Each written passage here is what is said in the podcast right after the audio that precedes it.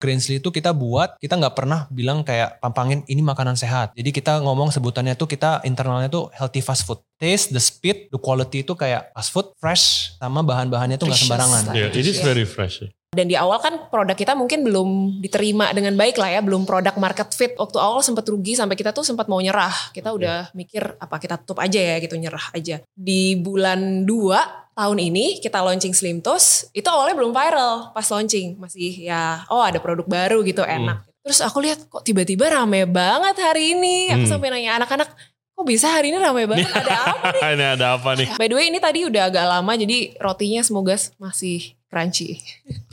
Masih. Oh, Masih tenang aja.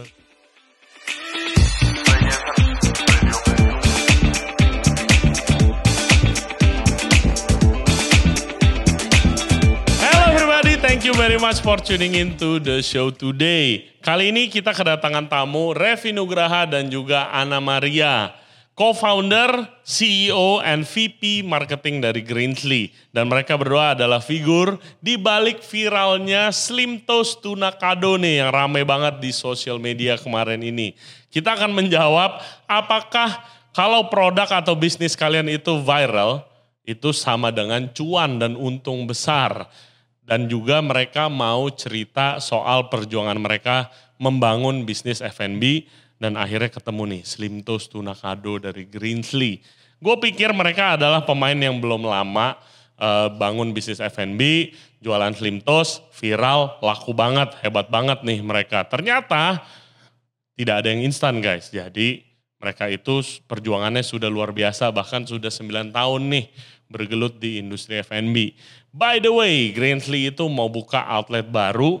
Pertama itu di Bintaro Exchange dan kedua di Central Park di bulan Desember ini. So good luck to them, semoga sukses dan kalian buruan yang belum pernah nyobain, cobain langsung pesan Slim Toast mereka. Enak banget. Nah seperti biasa jangan lupa subscribe di Ray Jensen Radio, di YouTube, Spotify, and all other podcast platform. Juga follow kita di TikTok dan di Instagram Ray Jensen Radio. Oke, without further ado, please welcome Revi Nugraha dan juga Ana Maria dari Greensly. Enjoy the show. Welcome to the show. Thank you for having us. Iya. Thank you for having us. Thank you banget udah nyempetin waktu ke sini. So, how are you guys? Business must be good. Viral. Kemarin di bazar-bazar selalu ngantri. Amin, puji Tuhan. Sekarang cabangnya ada di mana aja? Oke, kita tuh sekarang punya lima cabang di Jakarta dan Tangerang. Mhm. Jadi ada di Tanjung Duren, Jalan Wijaya 1, eh, Tebet, WTC Sudirman, sama Gading Serpong. Hmm, Gading Serpong Yes. ada lima. Itu udah hampir seluruh Jakarta ya. Belum lah. Iya. Terus habis itu ada dua lokasi lagi nih guys, up and coming. Ada Bintaro Exchange dan Central Park. Juga tahun depan ada di Emporium. Betul. Right? Nice, congratulations by the way for the success. Thank, Thank you, thank you. thank you. Seperti banyak hal, eh, banyak orang gue yakin, gue tahu kalian sejak ada Slim Toast ini. Nah, kan karena viral kan, which is nanti kita akan discuss juga guys. Eh, tapi ternyata eh, perjalanannya sampai ke sini tuh panjang dan juga berat of course kan gitu. Mungkin kita mulai dari sana dulu. Awal mula terjun di F&B sebelum ini kan, sebelum Greensly. Iya. Itu gimana ceritanya?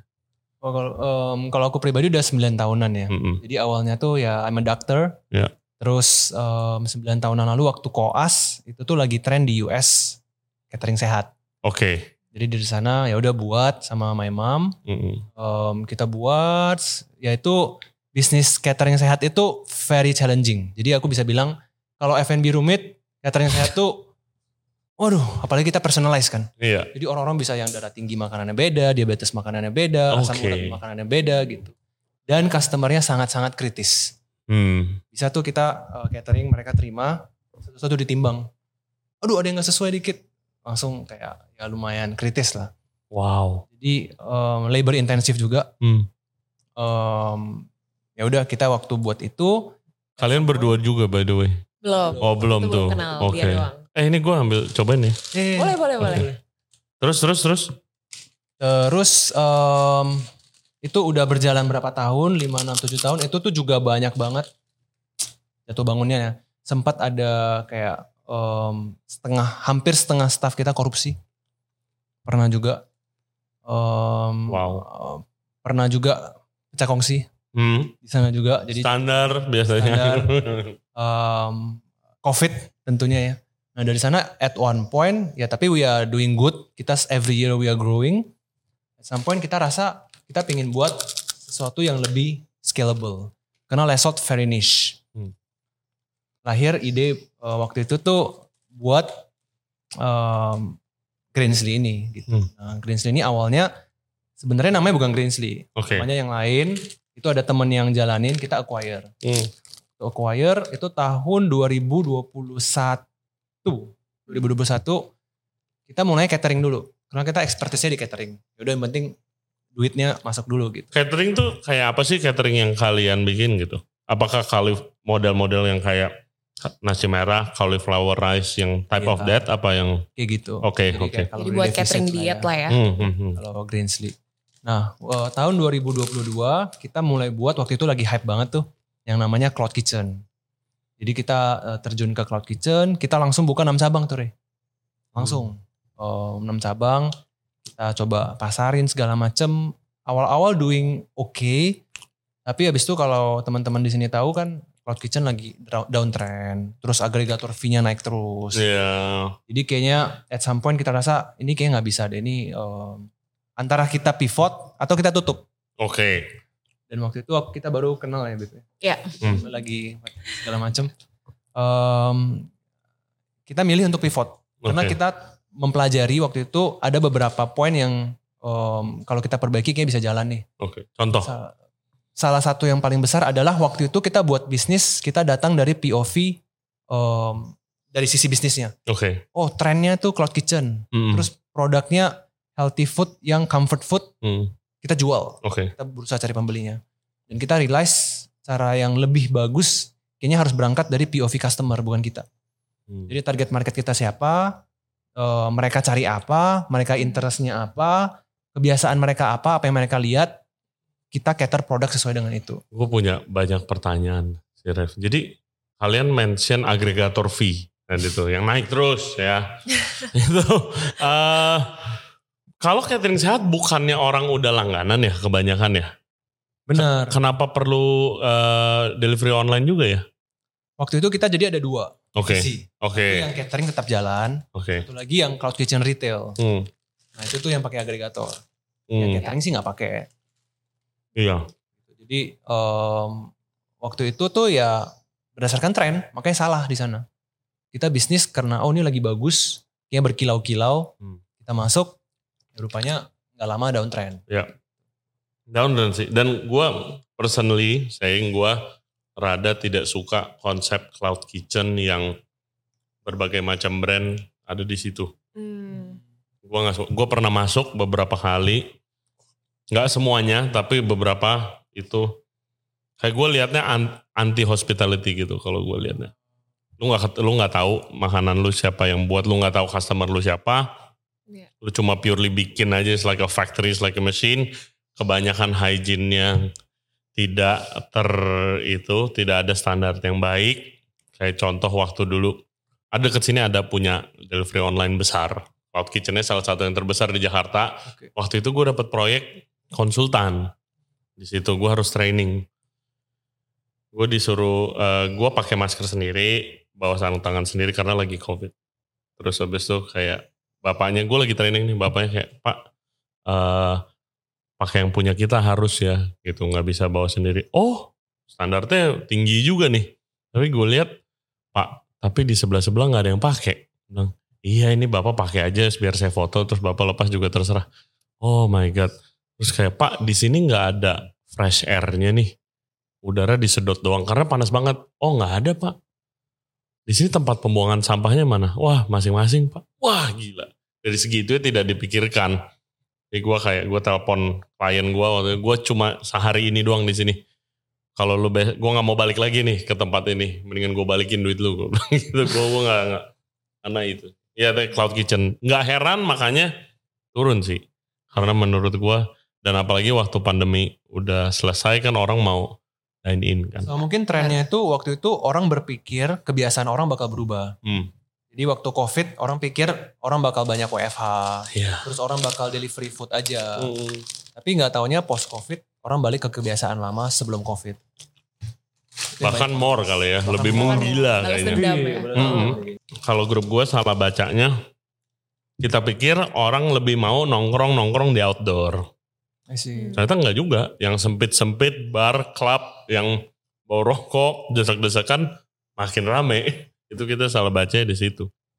Eh, ngebantu gak sih as a doctor kalau lu buka catering sehat? Lu jual doctor side-nya itu gak? Eh, ngebantu banget karena kita awalnya mulai makanan sehat itu bukan karena kita mau ikut tren atau makanan sehat enggak, Hmm, tapi karena my family itu udah makan makanan begitu dari waktu kita kecil. Oke. Terus karena gue dokter gue lumayan ngerti nutrisi segala macam karena my parents really concerned about that. Um, ya udah kita buat makanan sehat. Jadi kita bukan buat tuh karena, aduh, lagi tren atau apa enggak. Hmm. Nah ya memang uh, we feel the benefits, kita ngerti itu, kita udah makan begitu udah puluhan tahun, makanya kita buat. Oke. Jadi ada poin di mana either lu tutup atau lu berubah, Iya. lu pivot. Dan lu choose untuk pivot. Itu pertengahan tahun lalu gue udah mulai sadar. Berapa lama sampai action? Setengah tahun kita R&D-nya. Khusus ini, Slim Toast. Enggak, jadi kita pertama idenya itu kita tahu berangkatnya dari mana dan kita tahu cloud kitchen itu udah udah udah nggak bisa lagi kayaknya. Iya. Jadi strategi kita untuk transisi adalah semua cloud kitchen kita tutup. Semuanya tutup. Dan pas juga bangkrut kan kemarin. Ada yang Iya, ada mereka cloud yang kitchen bangkrut, gitu. Kayak banyak deh. Tempatnya bangkrut duluan. oh my god, mereka iya. kayak paksa kita tutup gitu. Hmm, hmm. Ya, abis itu kita mulai cari tempat yang ideal untuk Greensley. Hmm. Tempat, waktu itu kita ada beberapa pilar. Ada tempat, ada people, ada produk, sama ada bagian investmentnya duit segala macam. Pertama people dulu, we start from the people. Target marketnya siapa, kita identify yang tadi uh, mereka cari apa segala macam. Udah kita identify itu, kita cari produk dan tempat yang cocok sama mereka. Hmm. Karena place is where um, the people and the brand ketemu, Hmm. berinteraksi dan jadi dekat gitu. Karena kita pingin uh, community based business gitu. Um, dari sana kita um, cari produknya ya kita incer Slim Toast ini. Dan Slim Toast ini very challenging. Waktu itu kita enam bulan R&D, kita ngobrol sama ada empat baker yang lulusan-lulusan bagus juga. Dua nyerah. Karena kita mau very spesifik. Jadi kita cari resepnya, kita Dari resep roti ini ya, rotinya ya. uh, Ya, I have to say it's excellent man. thank you, thank Ray. you. Beneran, karena I get it. Kenapa orang market Jakarta suka banget rasanya eh, macam-macam, rasanya eh, kompleks, tapi comfort, rasa yang lu makan tuh udah tahu orang sama garing. Ini kepikiran dari mana sih? Kita inspired dari ada brand Danish. di Oke. Denmark. Hmm. Hmm, Jadi, apa? Gue pernah tinggal di Denmark. Namanya Joe and the Juice. Boleh nyebut merek gak sih? Boleh. Boleh dong. Ya, Juice. Namanya Joe and the Juice. Oke, dia jualan beginian mirip-mirip. Iya. Tapi dia mahal sekali. Dia 200 Apa pun ribu. mahal, apa pun mahal. Kita buat yang versi yang lebih murah tapi quality-nya nggak kalah. Hmm. Tapi bukannya dia nggak pakai panini gini ya? Dia pakai kayak smorbrot gitu gak sih roti-roti berat gitu? Dan makan rotinya. Oh, dia kayaknya pakai apa ya? Whole Kita juga nggak tahu sih roti dia apa kayak khusus. Kita belum pernah coba juga kita juga belum pernah coba, tapi memang di press sih mereka. Jadi crispy juga. Wih, kalau nggak salah dia pakai hmm, roti-rotinya Denmark. Soalnya jarang nemuin panini sih di Denmark. Mereka demen roti yang keras. Iya. Hmm. Mm-mm. Terus lu percaya kayak oh ini kayaknya laku nih di Waktu itu kita punya firasat kayaknya produk ini tuh bakal oke banget. hmm, Kita waktu itu bukan Slim Toast saja, kita develop kopi juga. mm-mm. Um, minuman jus, protein smoothies. Tips untuk orang mungkin mau buat brand atau Hmm. bisnis atau apa tuh kita setiap mau mulai bisnis tuh kita ada empat Hmm. saran gitu ya. Empat yang prinsipal yang kita nggak bakal, yang kita mau ideal lah. Ya. Hmm. Yang pertama tuh kalau bisa ada proprietary teknologi atau produk. Mm-mm. Jadi kayak ya udah kita nih unik, orang mau tiru susah. Mm-mm. Di Indonesia belum ada Iya. waktu Ya, itu. Terus original. orang mau pakai namanya susah. Hmm. Jadi kalau orang mau buat ya itu satu. Yang kedua tuh economy of skill. Gue sambil catat sih, gue mau belajar juga. Jadi um, Proprietary product. economy of skill itu ya udah kayak misalnya kalau kita mau buka cabang, tuh sistemnya tuh udah pakem. Hmm. Jadi gampang direplicate. Ya. Timnya juga solid. Yang ketiga itu um, network of effect. Oke. Jadi kita ada network misalnya ya ini dilakuin dilakuin sama beauty industry ya. Jadi mereka rebut-rebutan KOL, influencer, Hmm. siapa tuh pokoknya mau identik sama orang ini collab. Oke. Kalau network effect-nya bagus, em, ya susah direbut juga. Ya contoh paling bagus ya Nike ke Michael Jordan. Hmm, Itu udah network effect-nya perfect. Oke. Yang keempat satu lagi branding. Hmm. Nah, branding juga eh, kenapa kita lebih pilih satu brand walaupun produknya sama? Iya. Ya karena brandingnya udah melekat banget. Hmm. Jadi empat itu yang kita fokusin sih. Oke, kalau begitu strateginya apa? Pro- produk udah pasti. Ya. Ini Slim Toast. Eh, kalau ekonomi of scale itu kan sistem dan sistem operation dan kebukti udah cabang Expansion. cabangnya udah banyak, ya kan berarti it works. Kalian punya sistem yang bagus. Network of effect-nya gimana? Kalau Grandly? Network of effect tuh kita lebih ke em, misalnya community marketing. Hmm. Jadi kita buat event, Hmm. terus beberapa orang itu kita benar-benar rangkul. Hmm. Customer-customer kita tuh kalau udah beli di kita tuh customer retentionnya kita perhatiin benar-benar. Hmm. Terus beberapa influencer yang kita rasa benar-benar represent Greensley, kita rangkul banget. Oke. Sel- selain selain bayar influencer untuk review-review gitu. Benar ya. Oke. Jadi contoh misalnya juga eh, ya udah kalau buat makanan kita tahu orang-orang kalau lihat makanan zaman sekarang kan dari food blogger ya. Hmm. Yaudah semua food blogger itu em, kalau bisa harus deket sama Greensley. Hmm. Itu jadi network of effect. Oke. Itu strategi yang lu lakukan. Setelah itu baru lu viral.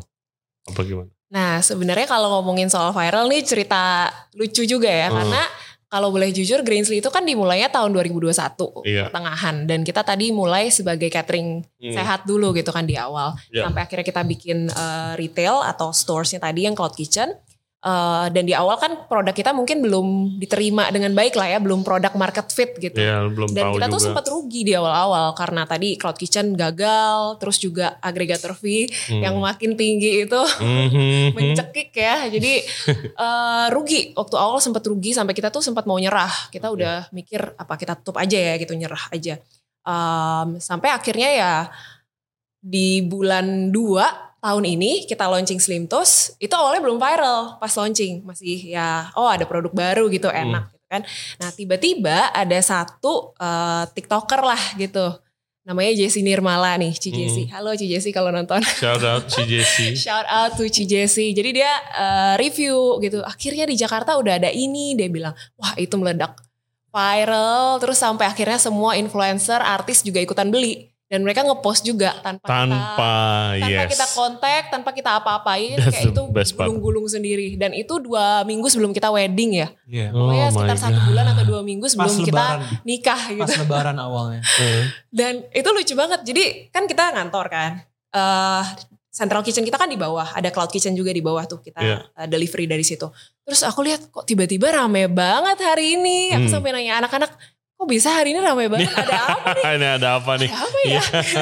Lihat Instagram juga kok viewers uh, viewer story-nya rame banget gitu sampai Hmm. berapa ribu gitu kan. Ternyata ya gara-gara itu. Dan semenjak itu membludak banget. Sedangkan waktu itu kita masih belum siap lah ya untuk menyambut crowd yang sebanyak itu. Jadi sempet tuh cabang kita yang di Tebet rame banget Gojek di depan sampai diomelin Pak RT. jalan, empat lain motor. Iya, Wow. diomelin orang komplek gitu. Ini rame banget. Pokoknya kita pusing banget sampai kita sendiri tuh sempat turun nyari alpukat. Alpukat kan tricky banget ya. Kalau Iya. MB kan Hmm. susah mateng, terus Iya. banyak yang busuk. Kita waktu itu sempat turun langsung cari alpukat ke warung-warung gitu. Hmm. Ini udah habis, ayo buruan cari-cari-cari gitu. Aku sendiri juga kadang terjun ke dapur, bantu anak-anak Hmm. prepare kalau lagi kurang orang. Jadi lucu lah itu cerita bisa viralnya sebenarnya hoki sih berkat Yes. sebelum nikah Hoki. kali ya. Iya, itu dia. berkat sebelum Hoki nikah. kita nggak bilang kita pinter gimana juga. Iya. Itu lah. Tapi eh, itu dia, maksudnya we believe in the product in Hmm. the first place. Jadi kita fokus invest di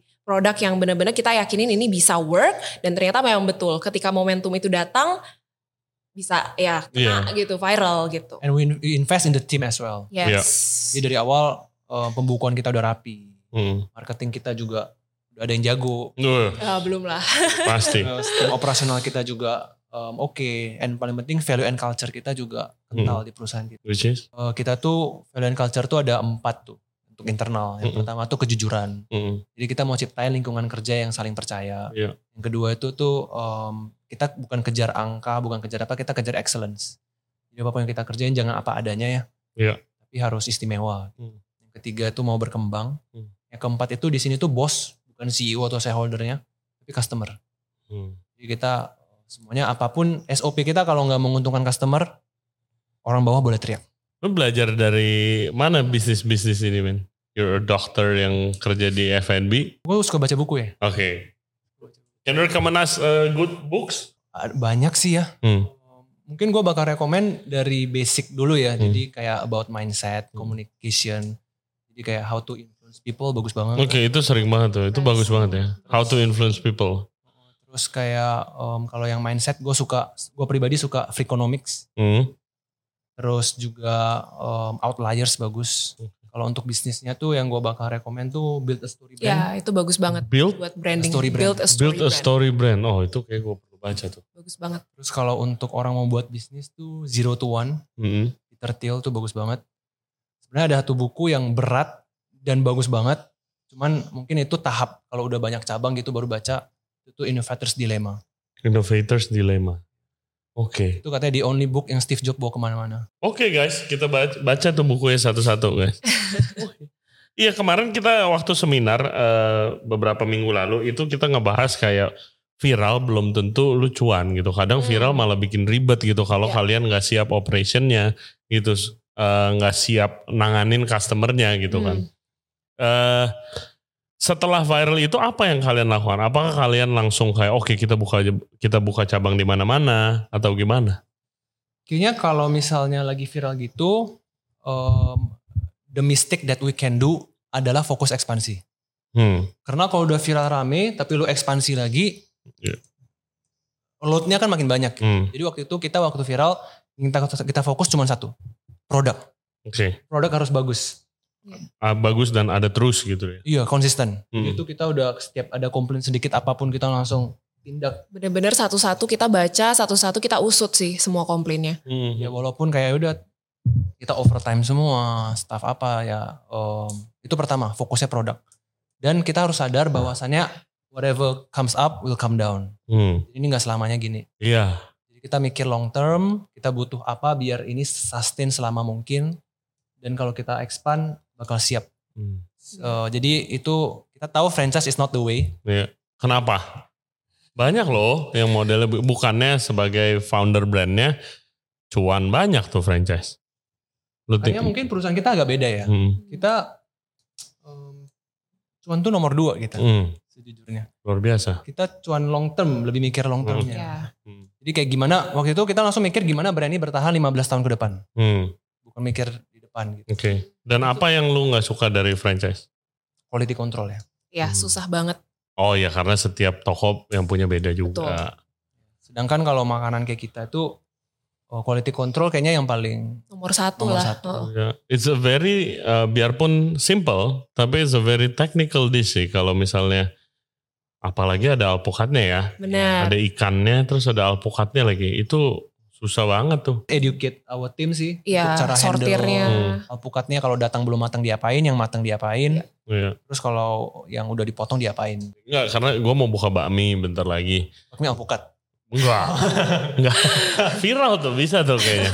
Bakmi pakai avocado uh, puree. Uh, gue mau jual jus alpukat. Ah. simple jual jus alpukat doang tapi kayak gila ntar kalau gue udah mikirin operation gitu kan karena ntar gimana kalau datang mentah semua kalau datang kematangan bonyok It's very tricky avocado Very tricky. Hmm.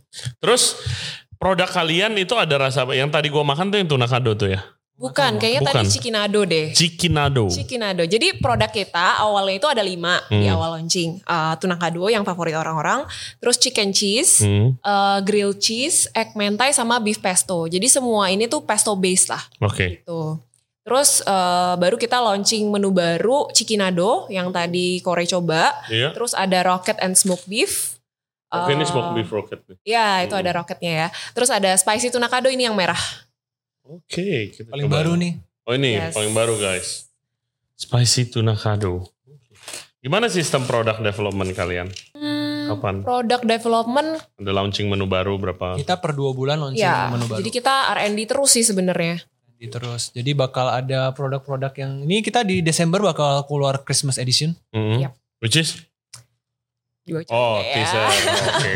Launchingnya besok. Eh tapi udah, oh iya iya benar-benar. Jadi produknya itu smoked salmon garlic sama satu lagi chicken ham chipotle. Oh, smoked salmon garlic and chicken ham chipotle, guys. Betul, itu special Christmas. By the way ini tadi udah agak lama jadi rotinya semoga masih crunchy. Masih. Oh, Masih tenang aja, ketakutan banget dari tadi. Deg-degan nih. By the way rotinya ini juga ada cerita lucu sih. Ya. Jadi chef kita kan dia yang develop. Dan ini kan developnya benar-benar headache banget untuk dapetin roti yang ini. I bet. Ribet Bahkan jadi setelah launching pun kita masih setiap hari kayak berkutat sama roti, roti, roti. Dia tuh sampai mimpi dijepit sama roti. Saking dia kepikiran soal kualitas rotinya. Jadi chef kita cerita, aduh gila semalam gue mimpi dijepit roti gara-gara dikomplain terus rotinya. susah banget jaga kualitas rotinya gitu. Kan pertama kali gue denger green tea from my wife and my friend. Dia bilang kayak ada nih slim toast sandwich tapi healthier option. Gue lihat ini apa ya? Oh, kayak panini. Enggak, Rey, tapi crispy. Hah, gimana maksudnya? Iya panini tapi crispy. Terus my wife coba, suka. Terus kayak, iya kamu bikin dong kayak gitu. Kayak gue gak pernah tahu panini crispy. Pasti bikinnya susah banget tuh. Gimana cara bikinnya? Oke. Nice ya. Hmm. Makan dua dari hari. Gimana supaya ada strategi gak supaya nggak terlalu terikat dengan kata healthy? Hmm, Kan kalian pasti nggak mau juga dong terlalu nempel banget sama kata healthy. iya benar. Harus hati-hati ke sih. Iya betul. Actually waktu COVID gue ada research Hmm. sendiri ya. Ya. Jadi gue nanya teman-teman ada puluhan orang. Hmm. Ya ada 40 orang gue nanya tuh. Wow. Jadi ternyata orang-orang itu banyak takut sama kata sehat. Hmm. Em, karena sehat tuh identik sama makanan hambar. Iya. Nggak gaul. Iya. Kalau keluar nggak boleh minum ini, nggak boleh makan ini. Banyak apa pantangan. Iya. Banyak pantangan terus kan olahraga apa juga sakit ya. Hmm. Atau apa. Jadi orang banyak takut. Tapi orang sehat itu biasa ada after effect-nya. Hmm. Jadi orang mau sehat karena, karena itu lebih penting. Jadi karena misalnya mau badannya bagus, Hmm. mau terhindar dari penyakit, Iya. mau feel good about them, themselves. Hmm. Sama ada satu kategori lagi nih. Orang-orang yang conscious about their image. Hmm. Nah jadi uh, Image as a what? Mau, di- Personal branding atau mau dikenal sebagai orang Body yang image. eh, mau dikenal sebagai ya? orang yang workout, yang Ya, healthy, kayak healthy living. Iya, Oke. karena it's it's a trend kan sekarang gitu. Banyak juga sih yang begitu. Hmm. Jadi em, kita sadar itu. Hmm. Terus kalau Greensley itu tuh sejujurnya kita waktu mulai catering itu tuh sebenarnya brandingnya udah here and there juga ya. Awalnya Iya. kita body positivity. Iya. Lumayan mencari jati diri lah si Hmm, Greensley ini. Hmm. Iya. Dan sekarang itu ya udah Greensley itu kita buat kita nggak pernah bilang kayak pampangin ini makanan sehat. Hmm. gitu. Tapi kita fokus ke em, sebab dan akibatnya. Oke. Jadi sebabnya tuh misalnya kayak we use real ingredients, Hmm. fresh ingredients. Yeah, of course. food handling kita juga bagus, bahan-bahannya juga yang bagus. Em, jadi kita ngomong sebutannya tuh kita internalnya tuh healthy fast food. Hmm. Jadi kita the taste, the fresh, em, the taste, the speed, the quality itu kayak fast food, tapi fresh sama bahan-bahannya tuh nggak sembarangan. Yeah, it is very fresh. Jadi em, itu itu prinsipnya. Hmm. Ya udah, abis itu kita marketnya ya mungkin ini masternya mungkin. Iya. Strategi marketingnya gimana sih? Oke, Jual kalau- healthier Hmm. option ke semua orang. Ya, jadi eh, kalau untuk strategi marketing sebenarnya kita juga udah coba banyak banget lah dari awal mulai sampai sekarang. Mulai dari endorse, collab, eh, iklan, macam-macam lah Hmm. gitu. Tapi setelah eh, sekian lama kita jalan gitu ya, eh, makin ke sini kita tuh sadar kalau Hmm. sebenarnya yang paling penting dari marketing itu adalah produk dulu nih. Jadi Hmm. kalau eh, yang belajar marketing pasti tahu marketing mix lah ya produk, price, place, promotion. Nah itu urutannya nggak boleh diganti. Jadi nomor satu memang harus product comes first Ya. gitu. Jadi makanya kita invest heavily di produk itu strategi utama kita. Nah terus yang kedua yang kita sadari juga sebenarnya kayak endorsement atau iklan ya it still works tapi it's getting pricier. Pricier. Sekarang udah mahal banget kalau teman-teman tahu rate card uh, influencer zaman sekarang tuh udah nggak masuk akal. Kita tuh Iya. sampai pernah kaget banget terima rate card. Wah gila sih. Aku sampai bilang ke dia aku mau jadi influencer aja. deh. Exactly, exactly. Itu yang dilakuin kayaknya. Gila banget dan hasilnya maksudnya susah di track gitu kan. Hmm. Dan orang zaman sekarang mungkin lebih pinter kan kalau ngelihat konten-konten endorsement mereka udah tahu ah ini mah dibayar. gitu. Jadi Exactly. kita belajar bahwa strategi yang paling efektif at least untuk Greensley adalah adalah organik. gitu. Hmm. Jadi kita fokus di uh, bangun komunitas, terus bikin event Hmm. gitu sih. Jadi Iya. produk, komunitas dua itu. The okay, that's really good. The kalau di dari yang branding of healthy produknya itu loh, karena kan banyak teman-teman juga mungkin yang punya eh, bisnis model yang mirip nih dari Hmm. sama Greensley yang kayak oh this is a healthier option gitu. It's a bit contradicting kalau lu bikin makanan sehat tapi lu nggak mau dibilang sehat-sehat banget karena takut di image kayak oh ini makanan diet food Hmm, right hmm, hmm, gitu strategi apa yang kalian lakukan gitu? karena ini udah udah eh, kalau dibilang diet food enggak juga healthy of course healthier option of course this is kayak a lot of care put into this product gitu kalau Ini sih um, positioning Hmm. Hmm. positioning kita tuh mesti tajam. Jadi positioning Greensley itu orang-orang makan Greensley itu bukan jangan nggak boleh karena ini makanan sehat. Mm. Jadi banyak orang branding kayak dia bilang itu makanan sehat kan dengan harapan bahwa orang mau makan sehat makan dia punya. Hmm. Greensley kita positioning lebih orang makan Greensley karena enak, Sehat tapi really enak good. gitu. karena enak, Hmm. comfort itu jangan nggak ada karena embel-embel sehat. Jadi lebih sehatnya tuh cuma bonus. Mm. Itu sih positioning yang kita kayak di sosial media, di kalau ada kerja sama sama orang atau collab atau kita mau launching produk, itu yang kita kita fokusin. Mm-mm. Jadi positioning Greensley mungkin nggak bisa disamain sama makanan-makanan diet atau sehat lainnya. Hmm. Makanan Greensley itu sebenarnya positioningnya di makanan kayak lumayan mainstream, Ya. tapi we use um, real Healthier. ingredients, Ya. fresh ingredients, Ya. uh, nutritious ingredients. Ya, jadi mungkin middle ground lah ya buat Ya. orang-orang yang mau makan sehat tapi mungkin masih aduh nggak bisa nih gue suka micin atau Hmm. aduh nggak mau deh yang hambar. Nah, Hmm. Greensley nih middle groundnya gitu. Dulu tagline kita tuh Sehat, sehat, tapi, kok enak. Oke. Ya. Dulu. kan sekarang banyak uh, brand-brand besar juga yang fokus on that healthier option gitu kan. Apakah sekarang trennya akan ke sana nih? Um, Makin menurut kalian berdua, Ya. apakah trennya akan mengarah ke sono nih? We believe it will sih eventually. Hmm. Uh, walaupun di Indonesia mungkin belum terlalu mateng ya, Iya. kayak marketnya belum se-conscious itu tentang Hmm. makanan sehat. Tapi makin meningkat lah pelan-pelan dan kita percaya ke depannya bakal terus naik sih. Gitu. Kalau Gue kamu? di healthy industry kan udah 9 tahunan ya. Iya, iya, yes. Hmm. Gue inget banget awal gue mulai itu tuh orang makan sehat karena mau diet aja. Jadi Or sehat- sakit. Ya or sakit ya. Mm-mm. Sakit not even dulu. Hmm. Om, bisa dilihat dari 9 tahun itu tuh trennya makin lama makin naik. Tapi even sekarang walaupun COVID accelerate that, Hmm. tapi gue bisa bilang it's still very early in Indonesia. Ya. Satu, bakal jadi tren atau enggak untuk Indonesia sih gue rasa kemungkinan besar bakal, tapi kita nggak tahu ya. Karena kita lihat kayak di Singapura. Di Singapura kalau kita ke Singapura tuh makanan yang orang ngantri itu antara makanan legend atau makanan sehat. Hmm. Orang udah really aware. Em, terus kayak di US apalagi. Hmm. Billion dollar company itu udah healthy food. Ya. Ya.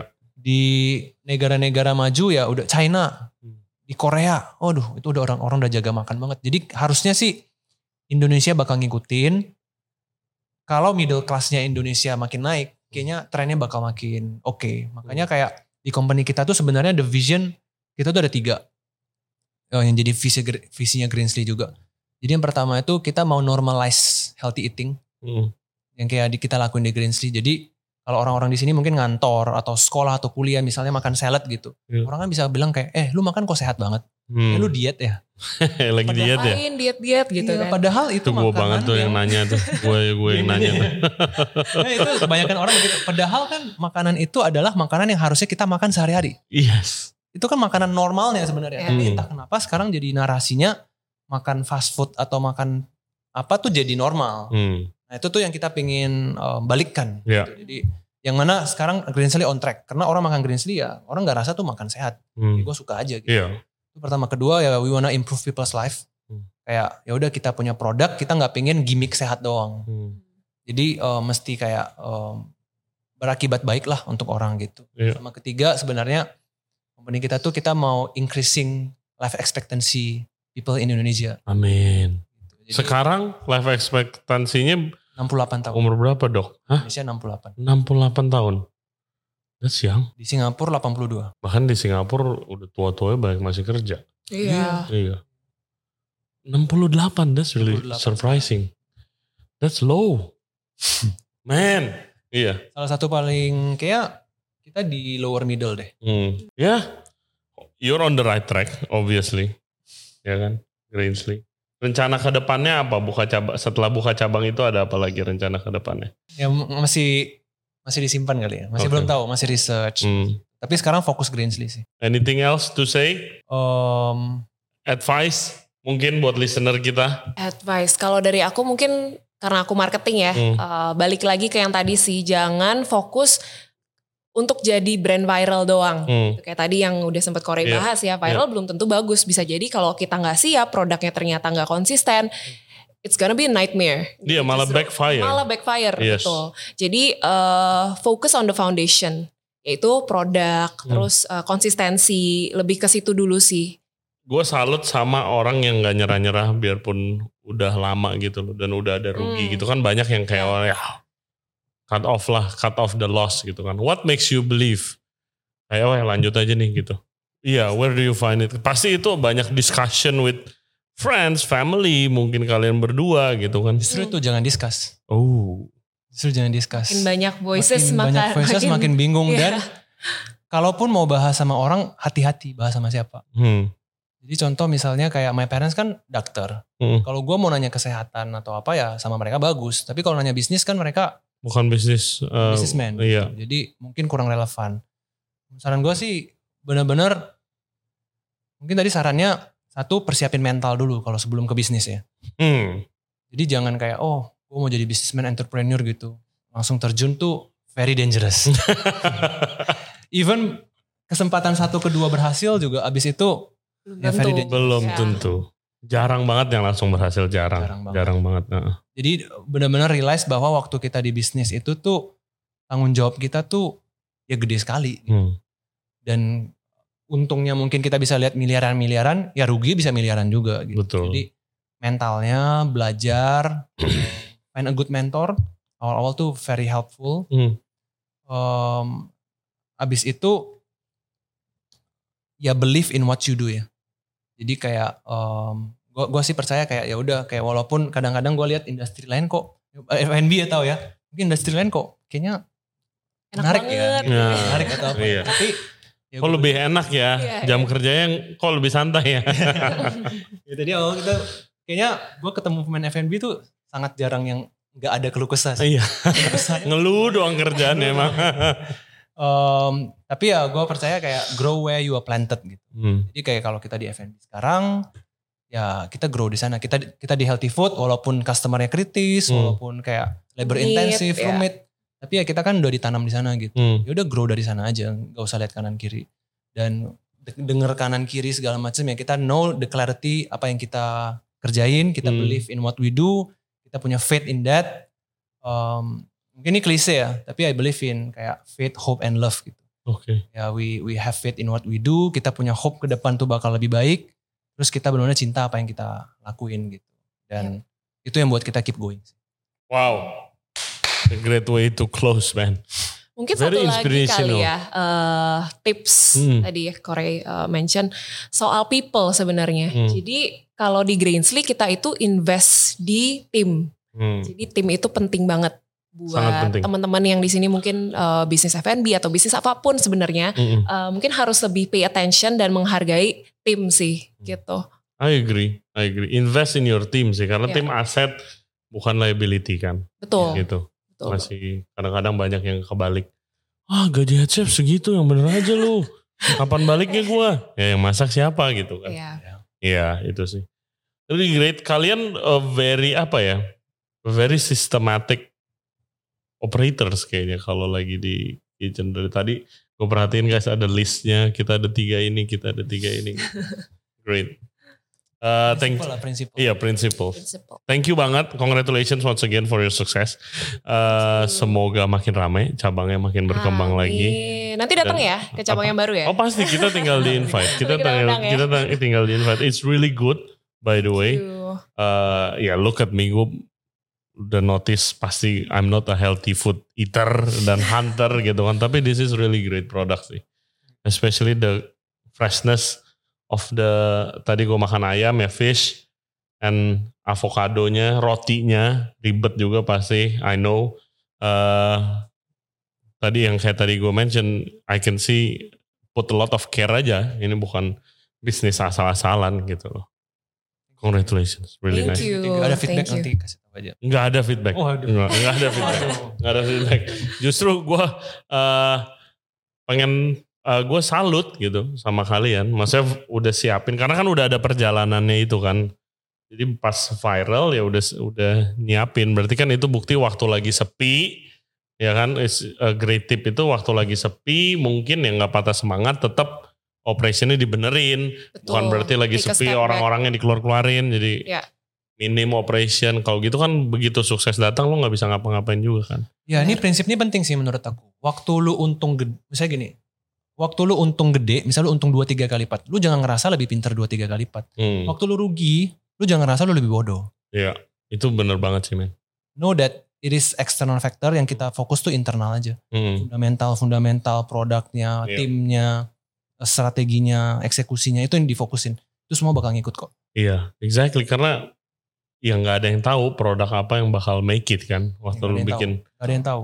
ituan makanan sehat, gua di dapur berapa belas tahun ini gue podcast gitu loh sekarang gitu kan kayak ya nggak ada yang tahu eh, karena gue tuh selalu pengen banget kayak gue help F&B industry of Indonesia dari dulu gitu kan gue pikir di kitchen ternyata dengan podcast ini ngobrol doang mending masak gitu. Tapi bisa reach a lot of people kan. People get inspired with your stories tadi gitu kan. Eh ya itu bener juga sih sepi rame sukses gagal itu nggak ada hubungannya sama kualitas dan kayak the work that we put in it. Ya. Oke. Perfect time to uh, masuk ke Q&A kita nih.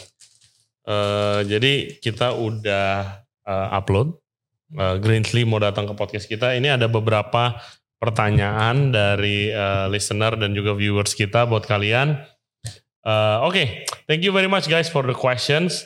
Uh, keep them coming dan nanti yang seperti biasa yang paling menarik kita akan tanyain ke guest kita. Build bisnis makanan sehat padahal Indonesia suka banget fast food apalagi gorengan dan mie instan. Iya, favorit Indonesia kan yang seperti itu ya. Makanan Indonesia sendiri sebenarnya kalau yang dikonsum daily, kalau kalian lihat uh, delivery online itu gorengan, sambal, kerupuk, Hmm. telur goreng gitu segala macam. Didominasi sama itulah. Setaf apa kalian penetrate marketnya pas awal-awal? Kalau pas awal sih sebenarnya Very lumayan- tough. Iya, very tough sih, Very very challenging.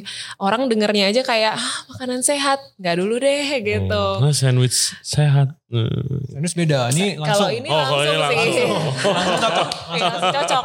Mungkin itu dia dari produknya di di desain maksudnya sehat tapi bisa tetap memenuhi kriteria tadi kayak gorengan ya adalah crispy-nya gitu Hmm, kan. hmm, hmm, Terus hmm, hmm. uh, taste-nya dapat dari saus-sausnya gitu. Jadi mungkin itu sih dari development produknya. Oke. Pertanyaan kedua dari Fanny IBS. Waktu build menu gimana cara bikin makanan tetap flavorful? Walaupun bikinnya menu diet. Bukan menu diet. Oke, ini salah persepsi nih. Coba di follow lagi Instagramnya Grizzly. Pertanyaannya, mungkin pertanyaannya gimana lu uh, proses buat menu kali ya, build menu. Karena pernah gak, kalau gue pertanyaannya pernah gak misalnya lagi bikin menu nih, chef kalian, oh ini terlalu nggak healthy nih, nggak bisa jual nih gitu. Oh pernah, pernah sih.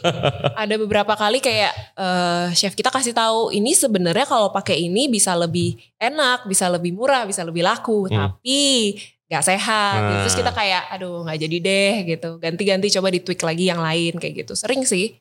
Pengetahuan again pengetahuan eh, pengalaman lu waktu dokter gitu ngambil medical it really helps a lot untuk creating proses creating menu. Jadi gue tahu bahan-bahan mana yang Hmm. eh, bahaya dan enggak. Hmm.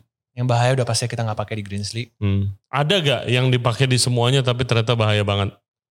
Semuanya ternyata bahaya banget. Other than Gula ya, gula sih di semuanya ada. Cuma Iya. kalau develop produk mungkin gue sama Ana kita suka invest in our palate. Hmm. Iya. Jadi kita kan sehari-hari makan sehat. Hmm. Tapi kalau kita mau makan di luar itu harus yang enak Enak. banget. Hmm. Kalau nggak kita belum pernah coba. Kalau nggak better kita makan sehat aja ngapain makan di luar. Harus worth it lah gitu. Harus worth it. Jadi kita train our palate. Um, jadi waktu kita R&D di palate kita harus 9 per 10 baru boleh lewat.